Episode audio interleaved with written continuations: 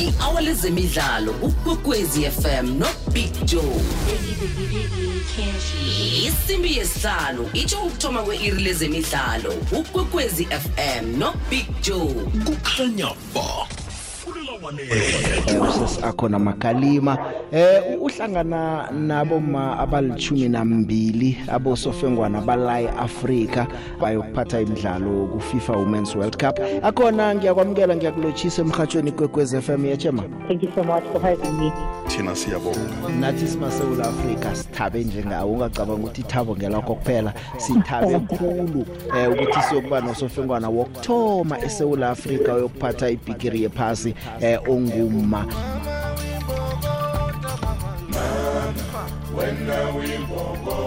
Mama siyabonga.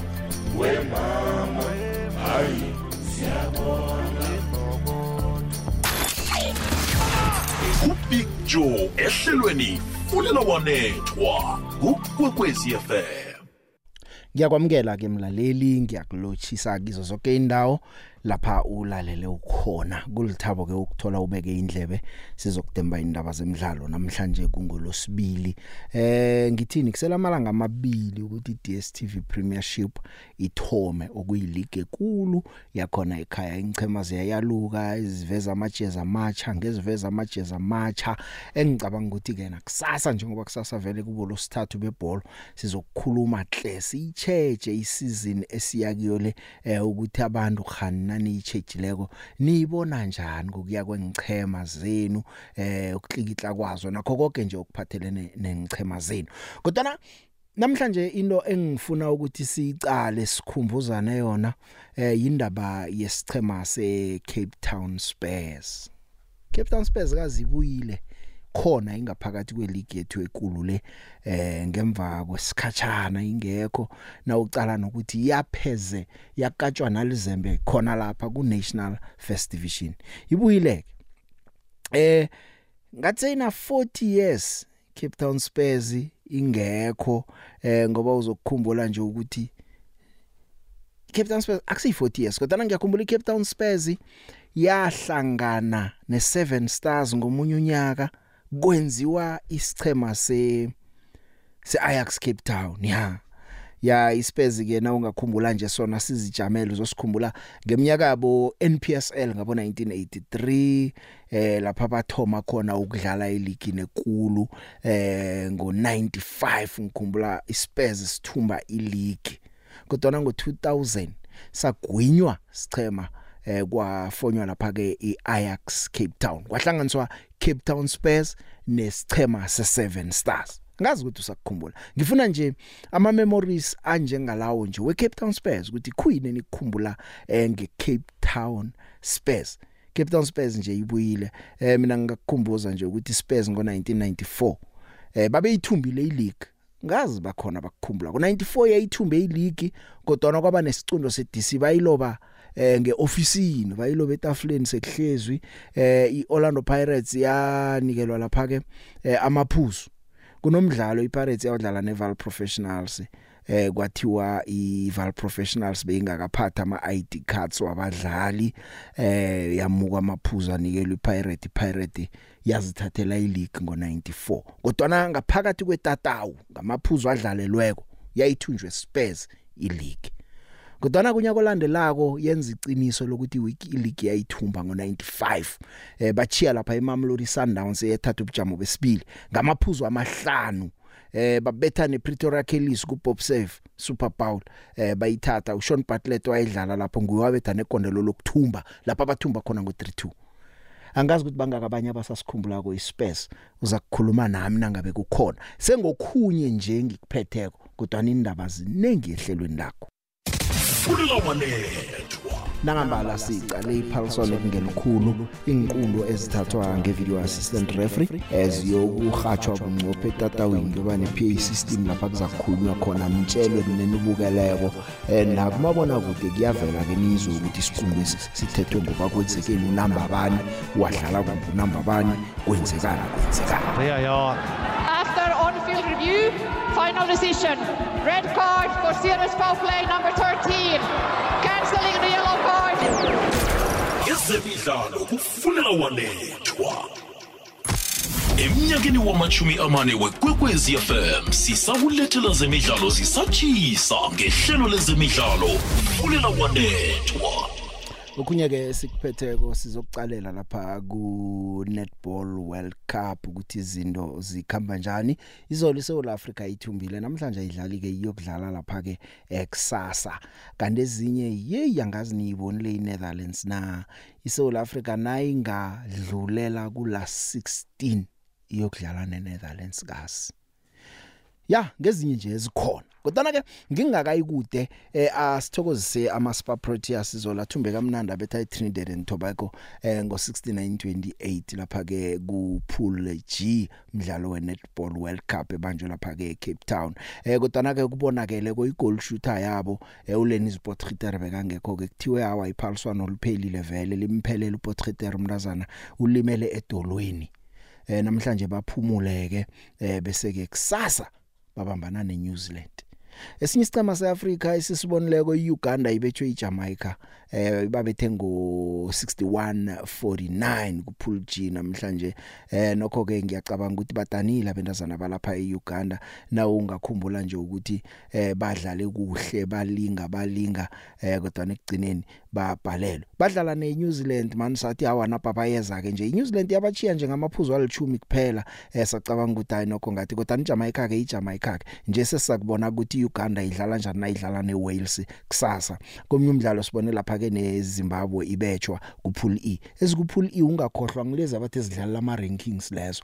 Azisayithumba ibigiri yepass lezi. Zimbabwe bayibethile ibetshwe lapha ke iBarbados eh iBarbados iyokudlala neSingapore umdlalo olandelako iZimbabwe idlala lapha ke eh, neSri Lanka. Semphumela nje eh yayizolo seyiyonke sengidlula phezukwayo ke South Africa 69 Trinidad and Tobago ibe na 28 Tonga 46 England 72 iJamaica 61 Uganda 41 iSri Lanka eh, ibe na 52 iSingapore yaba na 55 eh iMalawi yabetha iFiji ngo 48 izolo eh New Zealand yabetha iWales ngo 83 eh 34 eh iMalawi ibethe iFiji ngo 6248 ngathi sengathi ngo 48 kuphela. Kanti ke iNew Zealand yona ibethe iWales ngo 83 eh 34 eh iBarbados ibethe iZimbabwe ngo 6245 Australia ibethe iScotland eh ngo 7733 kanti yanamhlanje imidlalo eseyidlalile ngiyibonileko mina eh ngibone lapha iAustralia ibetha iMalawi. Bekhaya abamani siyabajeja jeja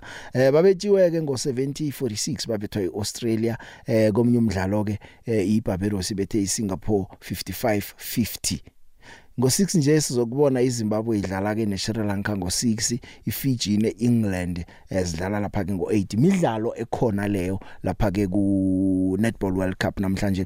Kanti ke ngibuya ngiza ngekampeni ekhaya eh, umsizo umbandule esichemeni esi uDumsani Chauke eh uThembisa maSouth Africa ukuthi ukuphuma kwakale nisport criteria kilo leliphaliswano ngedolo elimthwenyako eh batsho akutsho ukuthi eh baza kuphuka umoya. Ya asazi eh limphelele emsinya uPotgieter samcala calile eh zivele izolo indaba ezi. Eh kungene lapha ke usesandile owethu ngubane nguye kungena endaweni yakheke yaka Potgieter abambonile ko bambona ukuthi udlala njani izolo. Eh uchabuke ukuthi batsho nokho banaba abadlali abaneleko ukuthi bangasivala isikhala abasebenze kuhle eh noma ke uPotgieter bekathi mhlawumnye ke unamathutshana ukuthi angadlala isichemeni izolo. Kodwa abodokotela batsho bamchekile nakudlalwa neJamaica wadlala 2 and a half quarters eh nje ke abodokotela batsho bathi eh akuzokulunga ukudlalisa umuntu olimele ngalindlela kanhlangana nabanye sibabonako ke ngibone lapha no Nicole Tayat ah uyasebenza bano ine Marifenter eh kukhona lapha nabo Elmer van der Berg nongubane lo eh, balindele ukuthi bangene enyathelweni sibone ukuthi benzani ke njengoba ke uPotgieter aphumile. Akhe sizwe ngodumsani nangi eh siza kubuya ku Tayat simuzwe ukuthi yena uthini nakabona ukuthi eh, kumele ukungena esikhaleni. Uh, she's been um, a prominent member of the team. Um, she's been uh, quite a strong anchor as well. Uh, so it, it is quite a blow. However, we do have players that are well capable of uh, carrying on with the, with the job uh, we've selected. Um, quite a few players that we do know that should there be any injuries, they can fill in and slot in quite nicely. And we're quite fortunate to be able to even give everyone uh, a run on that court today. So, yeah, losing Lenise is, is, is something big for the team. However, she's still around uh, supporting the girls and making sure that the team stays together. Well, as you know, players just want to play, um, even when they're feeling pain. No, it's not painful. Um, so yeah, and unfortunately, you know, uh, so the medical team uh, post games they do the, the medical tests and they leave it for overnight, obviously to uh, give more um, time for the injury either to settle um, and to do observations and um, a few tests in the morning after the players have recovered. Um, and yeah, so that decision was made uh, this morning, and um, that's that's what we're dealing with right now. Ya nguye ke uDumsani Chauke eh njengoba ngichilo ke ukuphuma kwa Potgieter eh ukhona lapha uIne Marie Venter khona uNicole Daljat khona lapha ke uElmer van den Berg ukhona ke ungubane eh bangenile ke uPotgieter eh ya ngokuphuma kwakhe kutsho khona ukuthi eh kuza kuhlayela hlayela kodwa uNicole Daljat uthi no eh irresponsibility sizoyithatha sizoyithatha eh sibone ukuthi kwenzekani. Kanti ke simbonile nomnazana kwangubane udlala ekhlekhle owethu ngubani izolo eh uphuwe ithuba wangena namaphuzu wavalela valela ngaphakathi apha. Eh uchawuke naye ke uyatsho nje nakhuluma ngayo uthi hayi eh muhle lo mntazana uzokudlala kuhle. Ke sizwe ke irresponsibility enikelwe bona bentazana ba. Ooh, this past year has just been so amazing, and NSA has planned it so well that we've been in so many training camps throughout the past year. We've been in the first six months of this year without our international players, where we were able to play with the players that were gone. So I had um, chance to practice with Almaray and Sammy and other players as well. So I think we were really prepared when we came into this tournament that we are all able to play with each other. And um, obviously, it's a big loss without Lenise, uh, but we do have other anchors and senior players in the team who are ready to step up and just help everyone on court. Ya utsho njalo ke uDaljar uthi hayi baza kungena eh benze umsebenzi. Eh manje ngubani simbonile ke udlale 7 minutes ne? Yeah 7 minutes nabe sithumba ngo6928 izolo eh kanti ke sambona na ku score sheet nokho athoma nokthoma ukudlala iphaliswano leBig Pass. Udlale kuhle umntazana lo. Eh nakhona lapha ke ngiyakubawa ke ungangena eh ungaba ngudade ungaba lisokana ungaba ngumma ube ngibaba eh na uyibukela ko inetball le siyakhana ukukuzwa ukuthi wena ubona njani ubone njani izolo. Eh no no no assistant coach uyatsho nje uDumsani Chauke ukuthi eh umntazana lo udlale kuhle eh ligini yekhaya isizini epheleleko begodu nalapha akakarareki ngasuthi ke ufike kuhle ku World Cup akakathukwa So the nice thing is, um, like uh, Nisha has already said, that the, the players have been in camp for quite some time, and she's one of the local players. So we do have all 15 of our players here, and we treated all 15 equally. All 15 trained, eight, they all hang out together. So all 15 are prepared for anything that comes along. So it was just a smooth transition to say, okay, unfortunately, um, we are in this situation right now. Um, Semi, she's been here, she's been watching the game, she's been training, so she's got nothing to catch up on. That's why it was such a smooth transition when she took court today. And I think the crowd, South Africa, had just been roaring and waiting um, for her to get her break to get onto that court. And that's exactly what happened because she had such a great performance as well um, in the recent TNL. Yeah.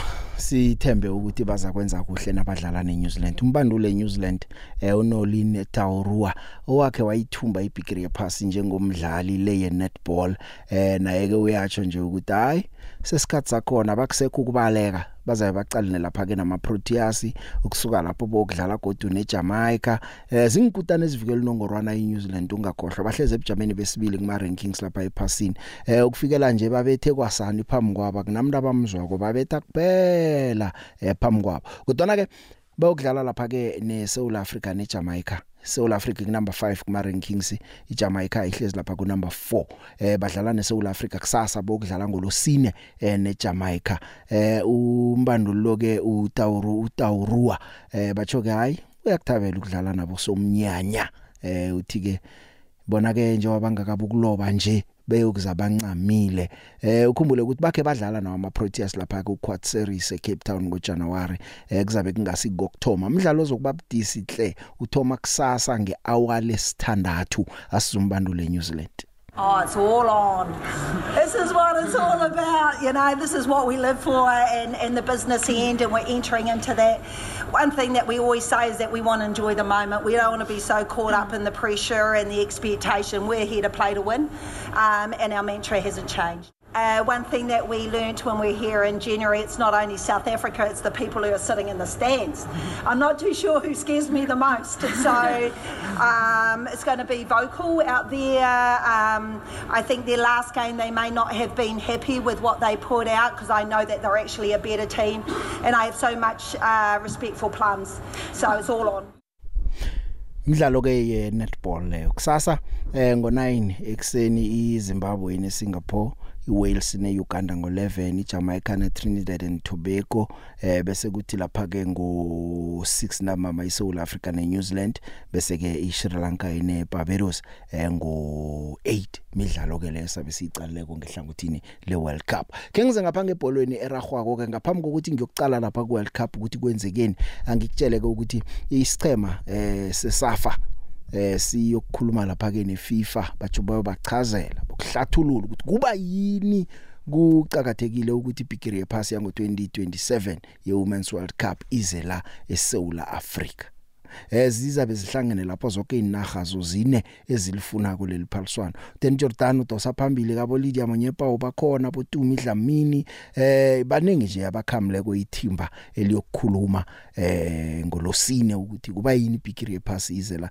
bathi nabachoko ke bathi man kuzabe kuyi fair treatment nokulingana kuzabe kukhonjiswa emidlalweni ebhola ragwako yabentazana nange iAfrika inganikelwa amalungelo waka 2027 South Africa ke ayisiyodwa ke eh, ukhumbula ukuthi iBrazil ikhona lapha iyalifuna. Enye ibid ekhona ngeye Mexico neUnited States benze lapha ke ijoint bid eh ngicalela neBelgium eh ikhona na iyalifuna iphaliswano eh iBelgium bamsene neNetherlands bafuna iphaliswano iGermany izijamele. Ngikho ngithi zine nje inaga ezilifunako iphaliswanele kanti kaba ukuthumba ke eh, kuza kuvotwa sakubona eBangkok eThailand unyaka ozako eh, ngoMay ukuthi bobana banikelwa iphaliswane lebigiri yepass imzuzu nje imachuma amabili eh, nemzuzu emine ngemva kwehour lesihlanu. Eh ngiyabona nje ama voice notes ayangena. Eh, angazi ke ukuthi khani mhlawumnye ke eh, ngebe bigiri yephasi namtjana abantu abazikhumbulela lapha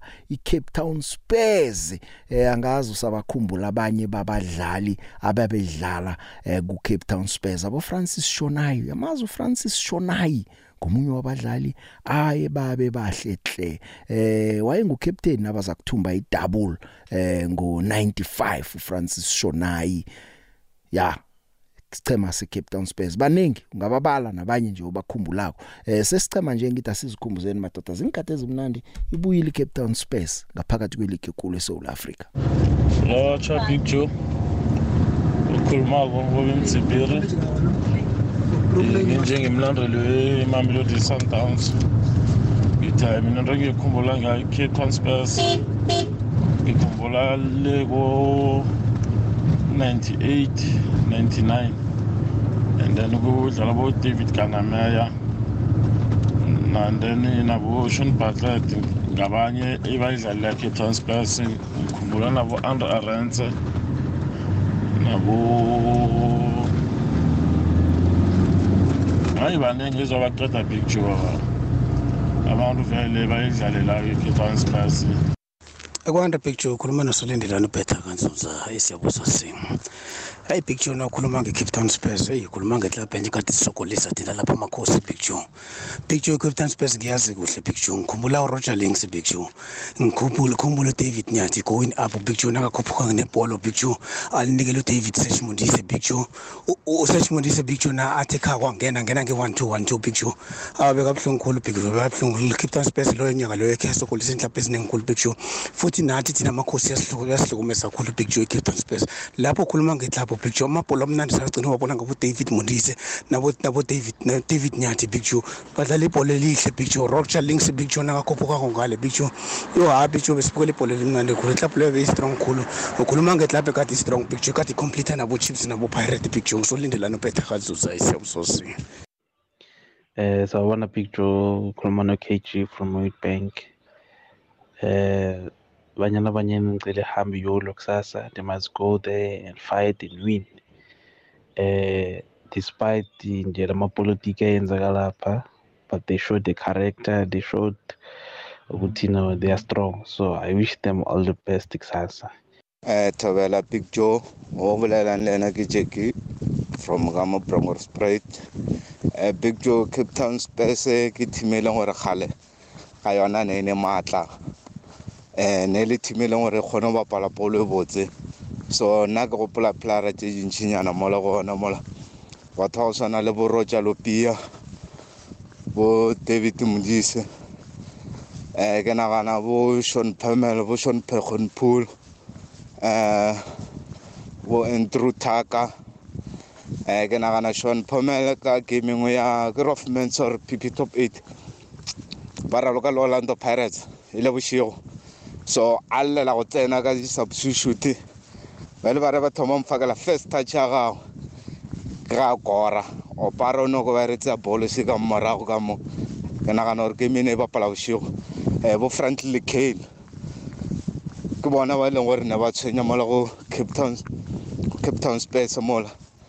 E le mohlobo mongwe e mentšhi kudu mola go cape town spurs. Ya big joe yabingelela umxolisi ngila e-standard tone esakhile. Joe mina nge-cape town spurs yeyi ngikhumbula nangumdlali lapha yabe bathi udavid modise. Angazi noma usamkhumbula joe adlala esiswini anamadred heyi bekadlala loya mdlali joe.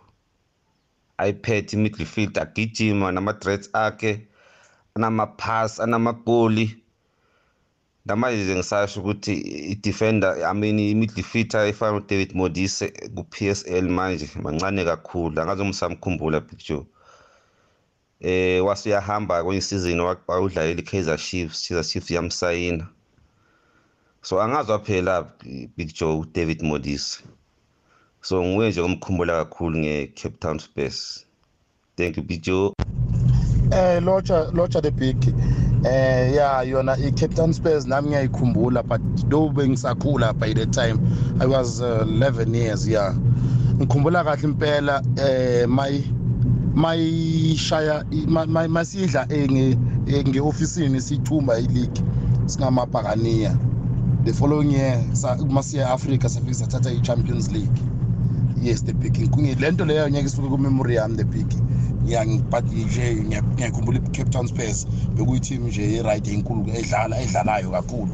Sithokoza the big emnyakeni wamachumi amane wekwekwezi fm sisawulethela zemidlalo zisatshisa ngehlelo lezemidlalo fulela wanethwa dlala dlala big joe asidlali la. Ezemidlalo kufulela wanethwa sawubona picture ukhuluma nomsong selangaville extension for etsakani picture ngiyayibona ipirates ayisayine kahle team yami picture ngoba ngiyezwa bamemezela ukimvoti namuhla. Kusho ukuthi hayi no le season le nobo akho apho siyibone ngathi sizawuxeka khona. Kodwa akasazi ngoba season seyavulwa sizawubona khona picture sawubona the pick khuluma nozakho okhoza la alexander. Umlandeli omkhulu wepirate ngithi asiyibongele ipirate ngoba kubuya ngathi sazomthola nokimvuti lo wemarisburg uzoshuba kakhulu kule season esiyakuyona. Uzoba ne-competition nokabelo dlamini lapha kwi-playmaker. Ngibonga picture ngibonga kakhulu futhi.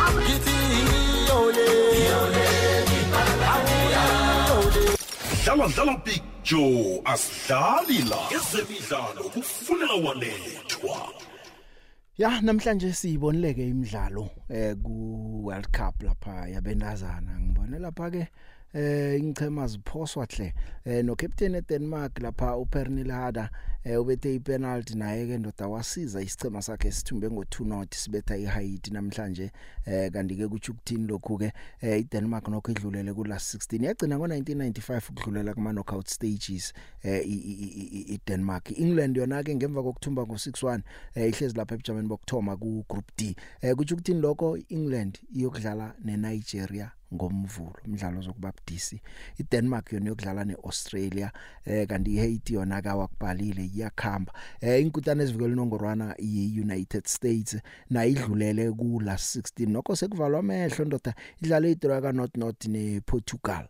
Eh iNetherlands yona ke sayibona idlala ngo 1-1 ne nesicema seUnited States vekepheleko ne eh kodwa nasisibonileke the biggest win kule World Cup sithumbe ngo 7 not badula kabhlungu isicema seVietnam ebesivele sidlala sicedelela nje ngoba vele bese sikhichiwe. Eh mphumela yemidlalo yanamhlanje eh ngoba iEngland ibethe iChina yona ke ngo 6-1 eh manje ke na uthi uyaqala ke kusasa kumbi eh, iBrazil kuza kumele ibethe iJamaica. Nayifuna ukuqinisekisa indawo kuma knockout stages. iJamaica yona ihloga iphuzo lilodwa ngomnye umdlalo ekhona ozokuba mhle clever ndazana beJamaica eh abadlali banomuntu pass khona kusasa ngicalile lapha ke kuye group F. France nePanama eh iFrance ine Panama eh iphuzu nje lodwa lanele ukuthi iFrance ingadlula. Ku group G Sweden seyiqualifyile yona yozidlala neArgentina eh iSouth Africa yokudlala neItaly.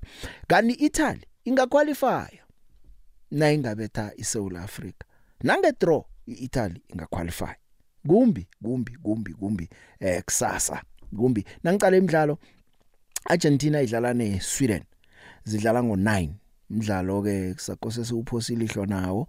South Africa ine Italy ngo9 lapha kumele ithumbe khona ngekani? Ngo12 iJamaica ine Brazil umdlalo ozokuba mhlehle iPanama ine France ngo12 so ke iSweden nokho yona ke hawayisiphile ilifeline la ilifeline kumele mhlambe isiphenye kodwa khana asazi kodwa nisizamile yona ngokubethi iItaly awayisizamile njeke sekukithi kumele sibethe iItaly nasifuna lapha ke ukuqualify sithandazele nokuthi iSweden ingabetshwa iArgentina. Yabona ukuthi sibamba imithandazo siyabala nje. Eh ama chance wethu kalima kakhulu nasiza kudlala ngo2-2 neArgentina sesidose phambili ngo2 not ngikho lokho kwasilimaza kohle ngikho kwasilima zako hle lokho ke eh kodwa nakasithemba ukuthi konke kuzasikhambela kuhle kusasa. Ngoba ibanyana banyana neArgentina zinephuzo elilodwa kuphela nephuzo elilodwa kuphela eh kile group le. Sifuna lesine iphuzo Desirelisi uthe akube nebumbano abokhatlane nabo sopo singa nabo Hilda Magayi phambili abakore balisa ukungakori. Utsho njalo banikelane ibhola uthi abaphasane. Sazi ke uDesireke uthi no South Africa layiza kudlala ngokulingana neArgentina uthi imidlalo bekumele siuthumbe loyo utsho njalo.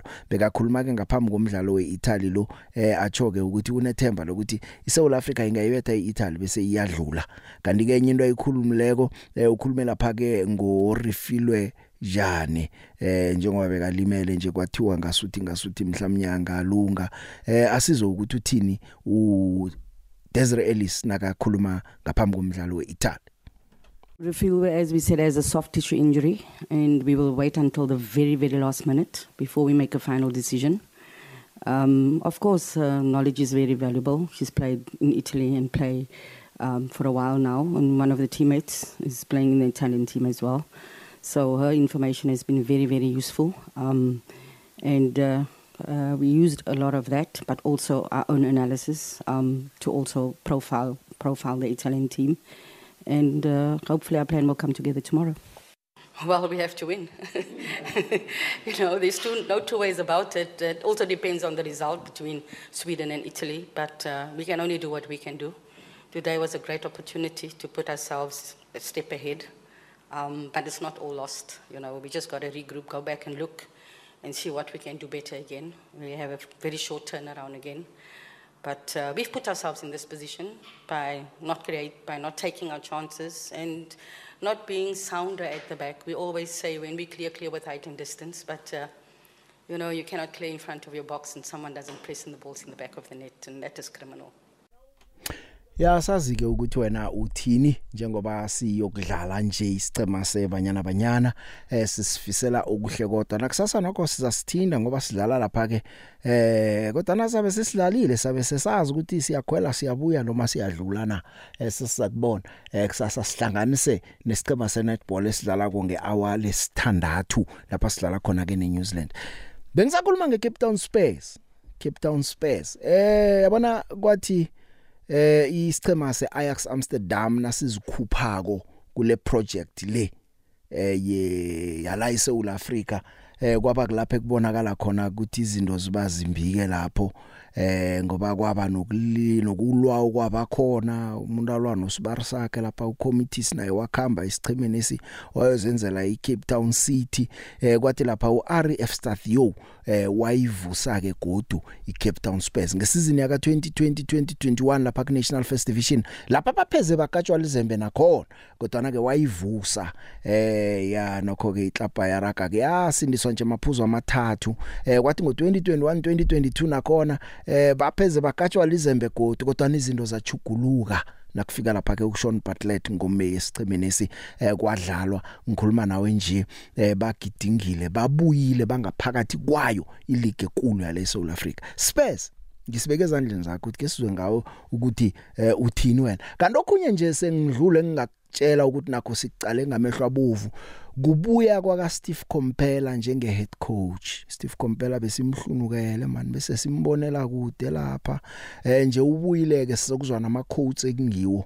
Waka Steve Compella yamazi Steve Compella ngu Steve Compella iminyaka emithathu yonke edlulileko besimhlunukela lapha kuma Mamelodi Sundowns nokangasiyo i head coach eh kodwa ke nje ubuyile ke uzibambele ukubamba iMuroka Swallows sinye sengicema nazo kugesidala madoda eh ukulithabo ukusibona sibuya. Na ucala nokuthi ke batlikihle kangangani uneqiniso nje ukuthi mhlawumnye nase uthi uyaraya ungathi uthi ahman abazukukhamba laba ngathi baza kusurvive. Kodwa ibhola vane ngitshoka ingoma ibhale enyaweni ungatlikihla utlikihlile kodwa kodwa nabangakwazi ukulumatha abadlali bakhe akunanto ezakwenzeka asangitshiswa lo sengitsho zonke ingchema sengitsho zonke ingchema eh so uthola umsebenzi ke so wethu goduke eh, ngemva kokuthi esicemeni seKaizer Chiefs nakhona waphezulu wahlala iminyaka emithathu so wethu nje ungaphanga kuswalusi uSteve Compella season le wenza 20 years eh njengombanduli. Wathoma ukubandula abandula iManning Rangers 2003 2004 nenje okwenzekileko hlanga hlangana hlanga hlangana nje ubuyile uSteve Compella uyokubandula lapha ke isichema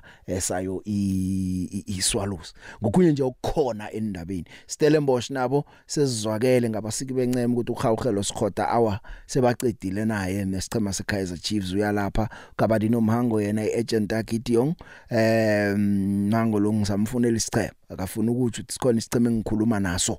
Khawukelo Sikhota angazi balandeli beChiefs bathini eh bathabile ngokukhamba kwakhe nowabathi no tana bamlisile. Phela kufika abopule modi nabo tebuhopotsane mhlawumbe bathe bayacala bathi yilo akazokulunga abo Kick and Dolly basesekhona ngapha. Hey asasi eh siza kubona ukuthi izinto zikhamba kanjani isichema se Richards Bay sitlikitla abadlali abayi10 bonke isizini le. Bengisakhuluma izolo isichema se TS Galaxy sitlikitla 11 isizini le. Yekumbi madoda.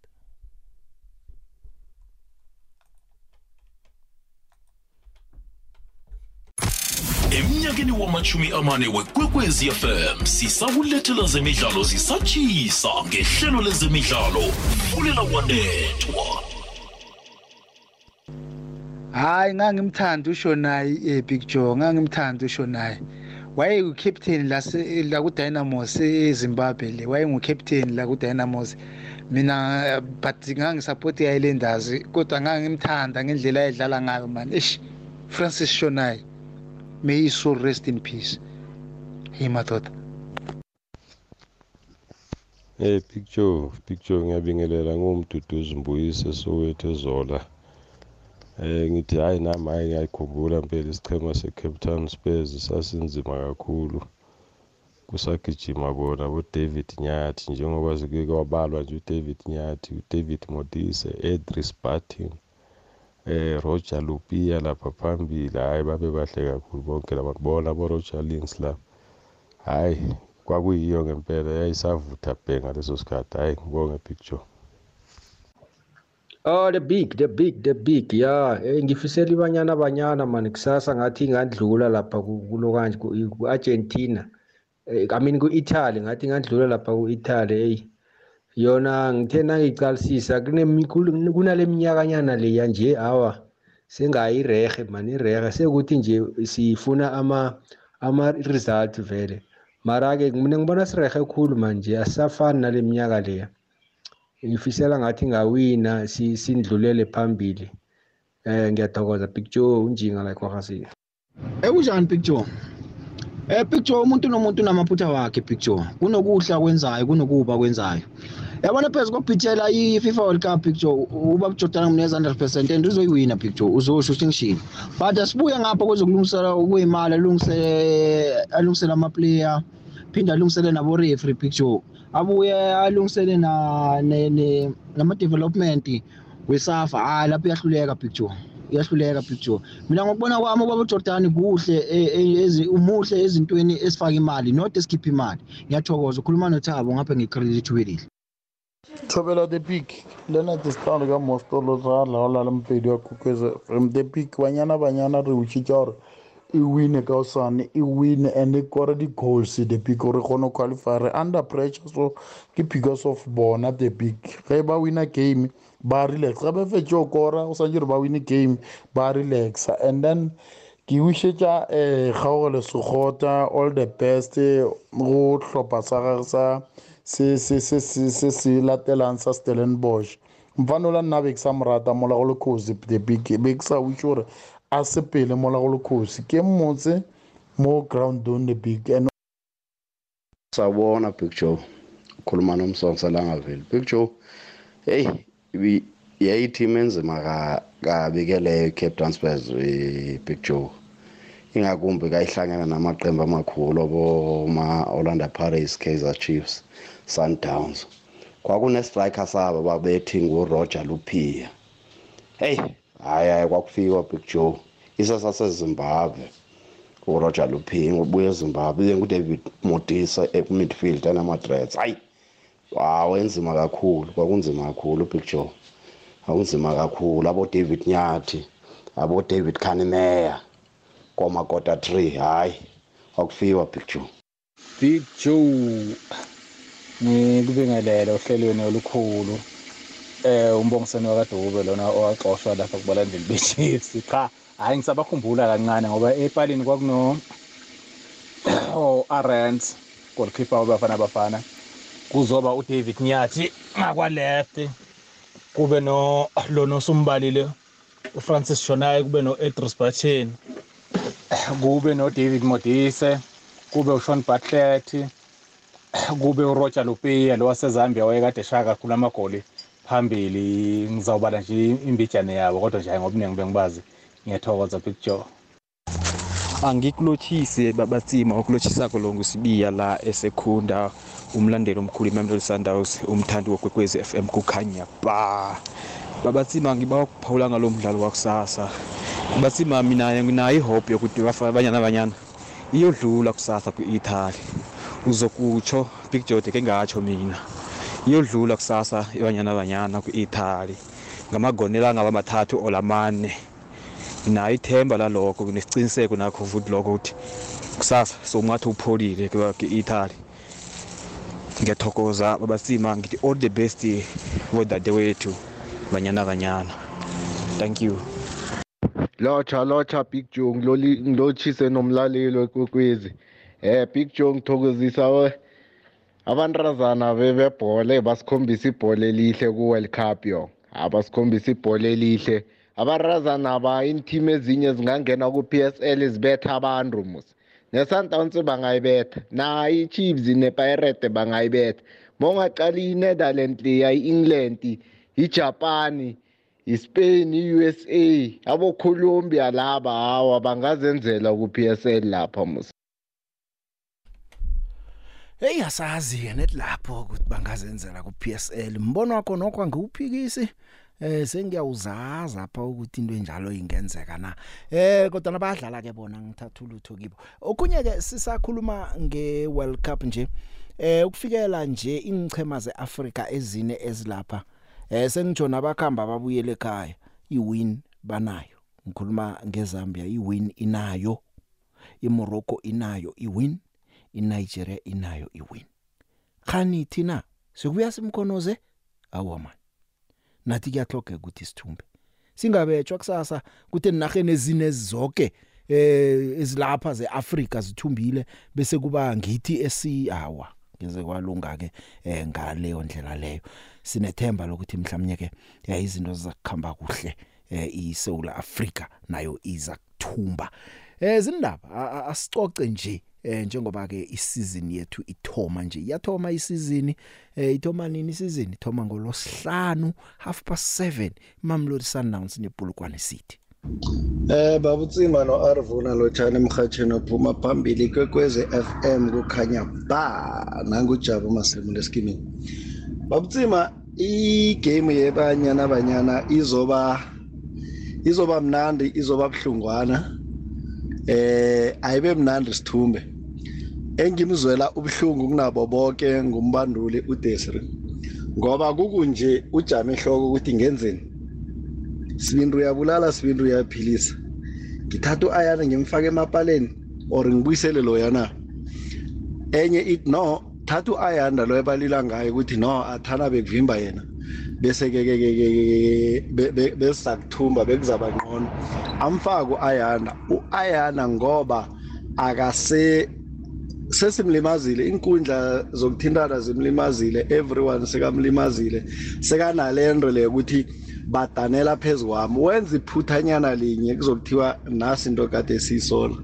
Wathatha wabuyisela uswazi wayenza amaphutha njengalawa ukuthi ukombe kangatshentshi afaka u-ayanda ngimzwela ubuhlungu ngithi all the best kubanyana banyana sithokoze tsimo You got paid month end, thanks God. And if that has happened, my man, there's a pair of sneakers you want and your budget is tight. Forget the budget. Look after your emotions. Go buy that pair of shoes. It gives you positive energy because the world is up against you. Nobody's gonna look after you. gotta look after yourself. And nobody's going to give you a big gift of positivity, but a series of events that are positive, even a meal. Go prepare the best meal you enjoy. ngomvulo bekube ngolosihlanu 5 to 6 hashtag fulela wanethu ya umasemula uveza indaba ukuthi ikome emchadeke kusasa eh kuSwarti eh noDlamina sazi ke ukuthi umbanduli uzazibona kanjani kodwa nakonke lokho kuzakuvela ngo9 kusasa siza kubona ukuthi zipanwe kanjani sesithandazela ukuthi nokho sibuye newin.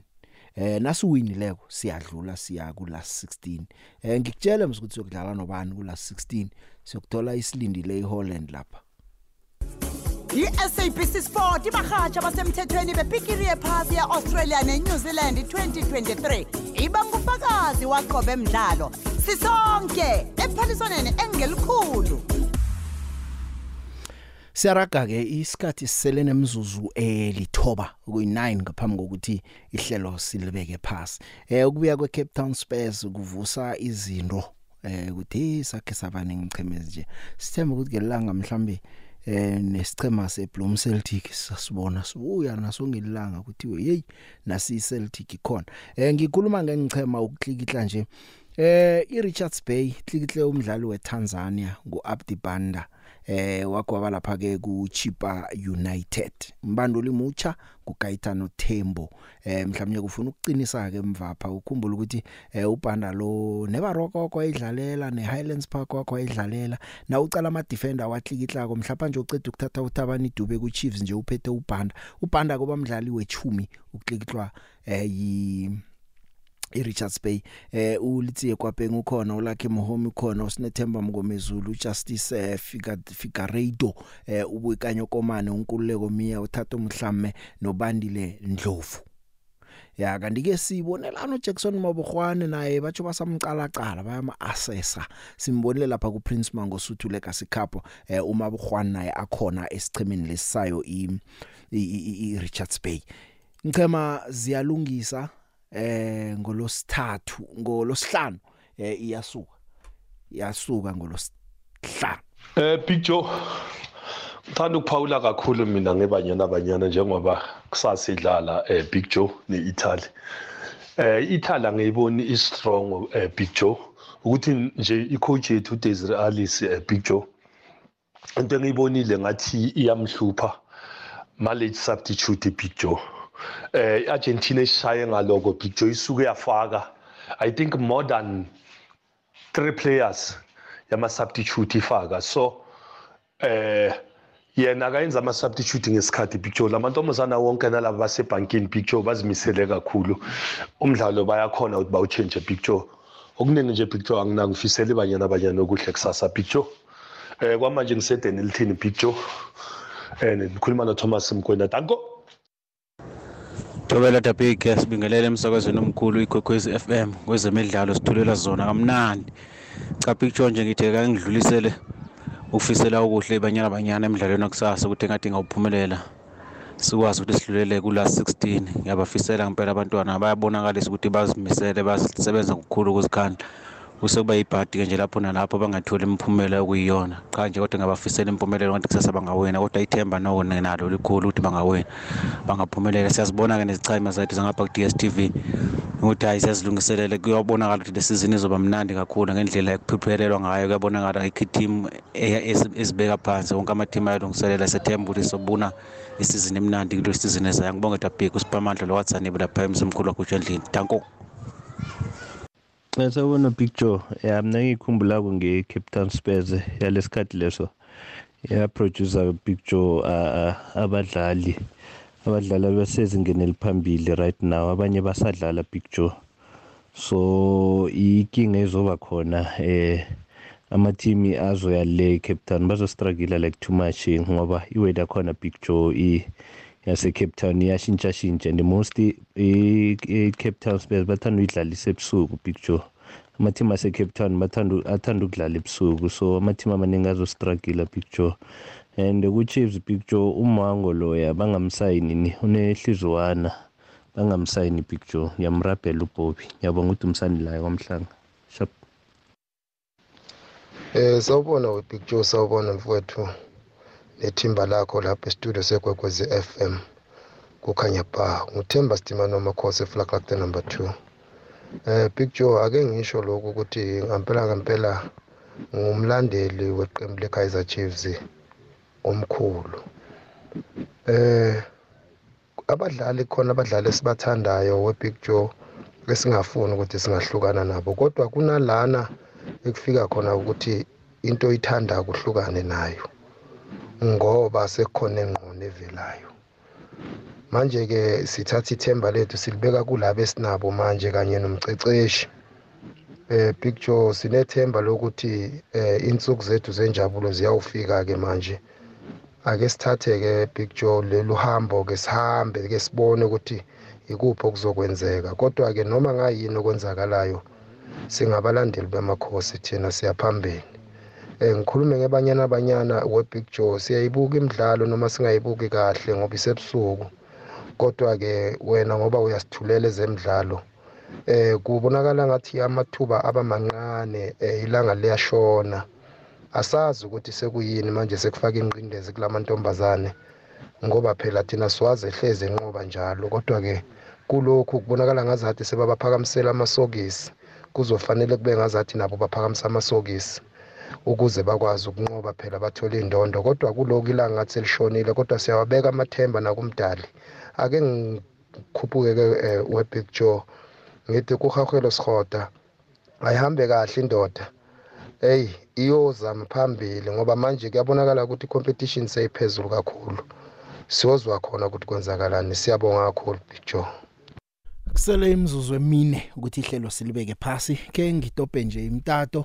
Eh kusasa ke hawasi zokukhuluma umuntu angitshela ukuthi isicema sakho usibona silunge kangangani. Ke ngizomtatweni. Usemoyeni yecha awona picture yebo. Kunjani picture ngikhona unjani? Khona picture picture ukhuluma no 211 kumsingizana utshalo umekani picture okay. Aha picture mina okuningi picture ngisengifuna ukufisela ibanyana abanyana kusasa. And then esiyazi ucoach lo uyasibulala yabona ugolkeeper lo picture uyasibulala tana at least bafaka u-amana dlamini at least lapha ngaba nento eyenzekako lapha yana and alise ne-late attitude ngicabanga ukuthi kusasa la into eziningi zingakuhamba rehe picture nje kusasa la siyokuthekela sokuthekela late sibukela ibanyana abanyana mara yena uyasi-disappointa picture ngikuzwile ngiyathokoza. Usemoyeni yecha Ito kunjani? ngikhona kunjani? Nangu uvelile la idevon wazi wanguqinile. shovelile Ito. Hawu avuna uthulile nje nawe uyayibona isichema sithi Chiefs. Kodwa yabona ukuhamba ukuhamba kwaScott siyalimala. bekanisiza kakhulu ne Ah Ito bekasiza. mm Atazwana naye wasibulalela yena uScott. And iChiefs solanka kusesena Atazwana.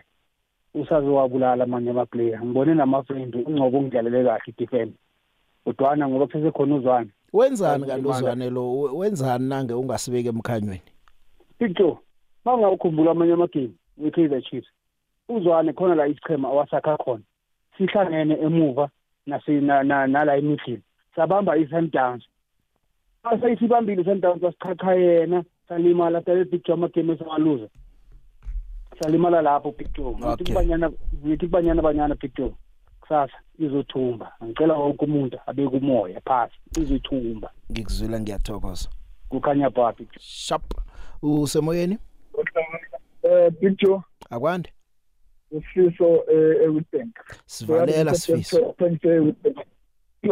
kubanyana banyana utezi no Dennis Jordan basiphuzile mfowethu cause um if baqala ngo and because now mhlawumbe kusasa bazofuna ukumfaka endile bese bemfaka under pressure nayo kuzomkhosa usegcine end amafuthi igame yakusasa igame very crucial mfowethu.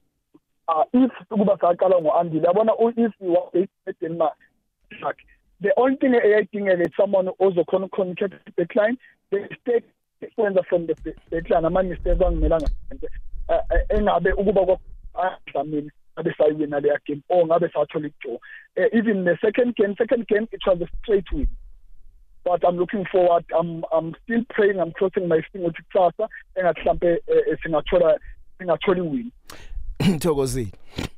Sho Ya sikhathi sikambele sibu.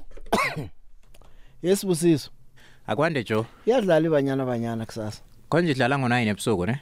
Eh ekseni ayi ebusuku. Ni foro zemberegweni Hey nazi ingikhathi zangale zichiyana kakhulu neSouth Africa sizayibukela Joseph isela okuhle kodwana nje sengikubonako ngiyabanyana abanyana ayi ayisafani. Mhlambe khani indaba emholo lesingatsho njalo indaba yemali. Kuze bangasebenzi kuhle nje angazi Okay. Bese ngithi ngifuna ukuzwa wakho umbono. Usale kamnandi yakho. Sho. Kamba kuhle sithokozile.